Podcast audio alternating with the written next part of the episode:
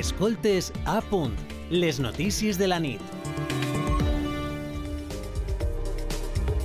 Ja ho han escoltat, avui se celebra a tota Europa la nit de la investigació. El consorci Midnight, nit mediterrània de les investigadores, realitza en esta data tan assenyalada més de 300 activitats amb la participació de centres d'investigació de sis països en coordinació. Itàlia, Grècia, Xipre, Turquia, Bèlgica i Espanya. La finalitat del projecte és mostrar l'impacte social que té la ciència que es desenvolupa al Mediterrani, posant especial èmfasi en la figura de la dona investigadora, moltes vegades oblidada en este camp. Per això, en la Midnight es fan multitud d'activitats per a tots els públics, la finalitat de la qual és transmetre la passió pel coneixement científic. Un altre dels objectius és impulsar les vocacions científiques i ho fa programant activitats atractives per a tota la família, visibilitzant el valor que té la ciència en la societat. Xerrades, exposicions virtuals, espectacles científics o tallers, entre altres. A València, la ciutat de les ciències, qui ha assistit ha pogut crear la seva pròpia vacuna, imprimir en 3Ds components del cos humà, comprovar el poder de la llum i fabricar blandiblu i kriptonita. A més, també s'han pogut convertir en caçavirus i ens eh, pararem en aquesta activitat que lidera Pilar Domingo Calap. Ella és investigadora de l'Institut de Biologia Integrativa de Sistemes, un centre mixt de la Universitat de València i el Consell Superior d'Investigacions Científiques, el CSIC a la Comunitat Valenciana. És biòloga especialista especialitzada en les implicacions biomèdiques dels virus. Els eh, seus equips són especialistes a localitzar i capturar virus assassins de bacteris, sèquies, claveguerams, sols... En qualsevol entorn troben els virus que infecten bacteris, els fags, i poden ajudar a combatre les resistències als antibiòtics. Li donem ja la bona nit. Hola. Hola, buenas tardes. Todas buenas noches ya. Sí. Eh, Caçadors de virus és un títol molt curiós i ara que tenim la Covid encara bastant present, sona com apassionant convertir-se en caçadora de virus. En què consisteix el taller que, si no tinc malentès, encara està en marxa a, a la ciutat de les ciències? Sí, sí, me pilláis aquí, en, bajo del umbracle. Estamos aquí aún todavía con el taller y la verdad es que está siendo todo un éxito. Pues lo que hacemos es eh, convertir a toda la gente que viene en cazadores de virus. Y como bien has comentado, lo que hacemos es buscar virus buenos, virus que van a matar bacterias multiresistentes, que son bacterias que no tienen tratamiento. Y a día de hoy, pues mucha gente en el mundo está muriendo a causa de estas bacterias.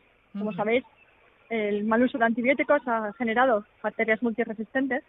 Y bueno, pues nosotros tratamos de buscar solución, una solución alternativa basada en buscar estos virus buenos y por eso pues lo llamamos cazadores de virus. Uh -huh. ¿Y cómo reacciona la gente que participa en el taller? Bueno, la verdad es que hoy ha sido un éxito, ya te digo, o sea, los niños están súper motivados, las niñas están en plan, ¡buah, qué divertido! Estamos buscando virus buenos. Y concienciamos un poco, pues eso, desde los más pequeños hasta los padres y madres para contarles que, bueno, que la ciencia está ahí, que es la base de muchas cosas, que también es divertida y que cualquier persona puede convertirse en científico por un día o quizá, si son vocacionales, pues después para toda la vida, ¿no? Uh -huh. eh, tornant al que ens explicaves, no? Què són els fags, eh, la, la seva especialitat, i per què són importants, aquests virus bons? Sí, a ver, los fagos son virus de bacterias, se llaman bacteriófagos, que es que comen bacterias y de forma común pues le llamamos fagos. Y nada, están en el ambiente, eh, de hecho todos sabemos que hay bacterias buenas y malas y que están en todas partes, pues realmente estos virus, estos fagos, están en cualquier ambiente conviviendo con las bacterias y de hecho hay 10 veces más de fagos que de bacterias. Están en todas partes, los respiramos, los comemos, los bebemos. Eh, son inocuos para nosotros, no hacen nada en nuestras células, pero nos permiten ayudar a combatir estas bacterias malas. Uh -huh. I, I quina és la, la investigació que, que està portant a terme el seu equip eh, amb els fags? Eh, realment arribaran a, a poder trobar alguna solució per a aquests bacteris eh, multiresistents que ens explicava al principi? Sí, sí, nosotros trabajamos con pacientes directamente, con, con hospitales también, que nos mandan eh, cepas, las propias bacterias que están causando infecciones. Sobre todo trabajamos también mucho con personas que tienen fibrosis quística, que por desgracia pues tienen infecciones recurrentes con bacterias multiresistentes y lo que hacemos es buscar estos virus para tratar eh, las infecciones de estas personas. Y la verdad es que, bueno, estamos eh, volcados desde hace ya varios años en este tema para buscar aplicaciones biomédicas de estos virus y es una medicina muy personalizada. Vamos a tratar al paciente a su propia bacteria que le está causando la infección. Y a, día de hoy eh, su uso es como tratamiento compasivo, eh, pero estamos intentando fomentar a través de, por ejemplo, iniciativas como hoy en la Midnight, eh, que realmente llegue un poco a la ciudadanía y concienciar a la población de que existen estos virus y más allá, pues concienciar a las autoridades para que nos permitan hacer ensayos clínicos y regular su uso.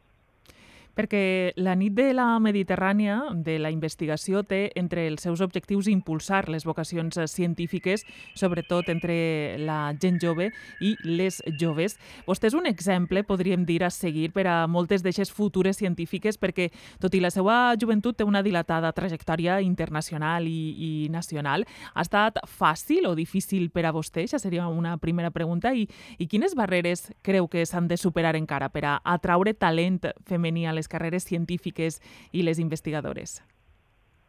A ver, sí, yo creo que al final pues eh, es difícil para cualquier persona llegar hoy en día a ser científico en España, es una realidad, porque la verdad es que está mal pagado, hay poco dinero para investigación y eso fomenta que la gente pues se vaya a otros países. Pero aparte de eso, el tema de la mujer, pues yo siempre intento impulsar y salir a, a dar un poco a conocer lo que yo hago, ¿no? Que realmente si quieres puedes, que somos todos personas y que al final vale su esfuerzo, pero yo, vamos, me encanta cada día, disfruto de mi trabajo y me esfuerzo mucho, pero creo que, con una razón de final que realmente es ayudar a las personas, ayudar también a conocer un poco más fundamentos de biología básica, pero yo mucho más también transaccional, ¿no? Llevarlo un poco a la sociedad, que al final, de una forma u otra, es los que también se aprovechan de la ciencia día a día. Y yo la verdad es que, bueno, he, he tenido la trayectoria de salir fuera del país a vivir muchos años en Francia, en mi caso, y como yo les pasa a muchas personas, tanto chicas como chicos, eso no, no cambia. Pero sí que es verdad que después llegar a liderar un grupo de investigación, pues a veces yo como mujer a veces me he visto trabas que no sé si los hombres a veces se, la encuentran, se las encuentran o no. Uh -huh. Doncs uh, moltíssimes gràcies, Pilar Domingo Calap, investigadora de l'Idosis Bio, eh, que és un centre mixt, ja ho hem dit, de la Universitat de València i del CSIC, biòloga especialitzada en uh, implicacions biomèdiques dels virus. Moltes gràcies per apropar-nos esta nit de, de la esta nit europea no? de la investigació i, i esperem que tinguem molts èxits. Moltíssimes gràcies. Adeu, bona nit. Adeu. Escoltes a punt, les notícies de la nit.